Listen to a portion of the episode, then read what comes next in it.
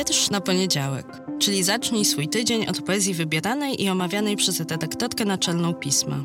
Nazywam się Magdalena Kicińska i zapraszam do słuchania podcastu. Cykl powstaje we współpracy z Fundacją Miasto Literatury.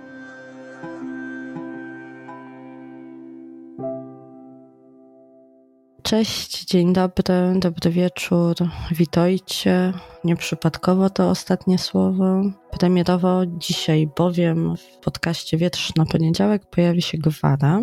Dlaczego się pojawi, to za chwilkę bo autopromocyjnie chciałabym Was zabrać na wieś dzisiaj w tym podcaście. Chociaż może właśnie na nie jesteście, bo lato w pełni, zaraz żniwa, może gdzieś jesteście na wakacjach poza miastem, poza miastami. A może znacie ze wspomnień o wakacjach u dziadków, a może w ogóle jej nie znacie i nie wiecie jak kwitnie len tak jak ja nie wiedziałam, bo pytanie o kolor kwiatów tej rośliny zadała mi poetka, pani Wanda Szado-Kudasikowa, którą miałam okazję poznać przy okazji projektu Krok za naturą, projektu, który realizujemy w piśmie już od kilku tygodni, a jego częścią był materiał, który stworzyliśmy razem z Maćkiem Moskwą, autorem zdjęć, który w lipcowym piśmie ukazał się na papierze, ale można go też oglądać oczywiście na naszej stronie, ale nie tylko na naszej stronie, bo w Warszawie można było znaleźć zdjęcia Maćka i moje krótkie teksty na wystawie, która na bulwarach była co robi wystawa Stoi, tak, która stała na bulwarach, a teraz jeszcze do 16 sierpnia można ją oglądać na Placu Wolnica w Krakowie i mam nadzieję, że jeszcze stamtąd gdzieś dalej będzie pielgrzymowała po kraju, a na jednym z zdjęć w papierze w lipcowym numerze to było zdjęcie otwierające materiał i chyba też naszą wystawę otwiera portret pani Wandy, czyli góralki z Płocka, która urodziła się w Płocku, ale z wylądowała na Podhale i z tamtą częścią świata i kraju naszego związała swoje życie. Jest regionalistką, nauczycielką, zajmowała się i zajmuje dbaniem o tradycję góralszczyzny i o to, żeby ją zachować i żeby ją też chronić przed zanieczyszczeniami i taką udawaną góralszczyzną. Zanieczyszczeniami i w języku, ale też w kulturze materialnej, bo to, co bardzo często gdzieś tam widzimy, będąc w górach, co góralszczyzna tylko udaje, z tą autentyczną kulturą ludową, z folklorem, często ma niewiele wspólnego. O tym też opowiadała mi pani Wanda, kiedy na początku maja przyjęła mnie w swoim domu w Nowym Targu. I kiedy tak sobie siedziałyśmy w kuchni, na zewnątrz był, był taki pierwszy gorący, gorący dzień w tym roku, a w ogrodzie i w kuchni było przyjemnie chłodno. Piłyśmy kawę, jadłyśmy ciasto z jabłkami, a ja miałam takie poczucie, jakie się rzadko w życiu ma, chyba że się ma bardzo dużo szczęścia, wtedy ma się je pewnie częściej,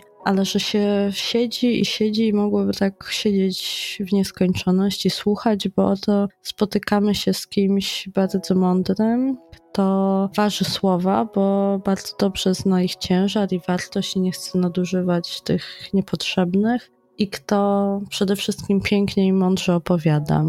Wtedy byłam bardzo zauroczona tym, w jaki sposób mówi pani Wanda, ale też tym, co mówi, bo z taką dużą pokorą wobec natury opowiadała o tym, jak zapamiętała okolice, w których wychowywała się, w których mieszka i jak bardzo ta okolica się zmieniła. I właśnie to pytanie o to, jak kwitnie len, było jednym z takich refrenów tej opowieści. Ale było tam też miejsce na poezję, no bo właśnie pani Wanda jest poetką, która pisze językiem literackim, ale pisze również gwarą góralską i dzięki temu w tej góralskiej gwarze zachowuje słowa, zwroty, gramatykę, melodię, języka, którego ja nie znam, a które, jak też opowiadała mi do reportażu, niestety powoli znika, bo znika tradycja i to, co prawdziwe, a nieudawane, czyli no właśnie ta autentyczna, góralska historia, spuścizna, dziedzictwo. Dzięki tomikowi, który mi podarowała i z którego będę się starała, ćwiczyłam wcześniej, przeczytać jeden z jej wierszy. Miałam okazję poobcować chwilę z językiem, który jest dla mnie obcy, ale który dzięki sile poezji, magii poezji,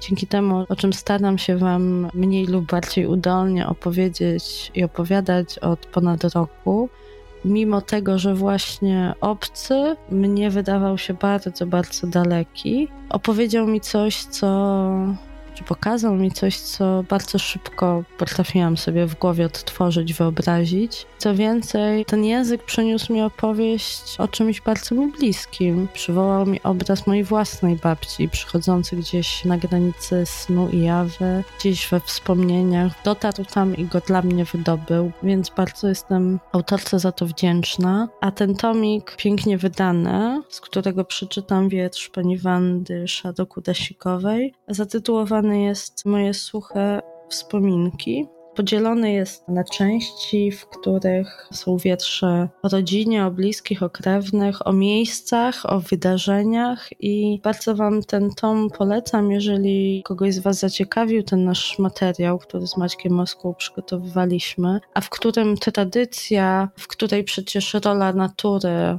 w tradycji ludowej od piosenek po stroje, po rękodzieło, kultura jest bardzo ciasno spleciona z naturą mnie ten tomik jakoś tak się bardzo łączył z tym, co usłyszeliśmy podczas naszej podróży z Maćkiem i wydaje mi się, że bardzo dobrze dopełnia historię o tym, co straciliśmy, starając się naturę ujarzmić, wyprzedzić, z bardzo dużą chciwością ją wykorzystywać, a co czasami udaje nam się odzyskać, kiedy jednak troszkę pokorniejemy i staramy się jednak zrobić przynajmniej krok wstecz na chwilę. Z tego tomu, z e, wspominek Wandy Szado-Kudasikowej, postaram się przeczytać wiersz na miedzy.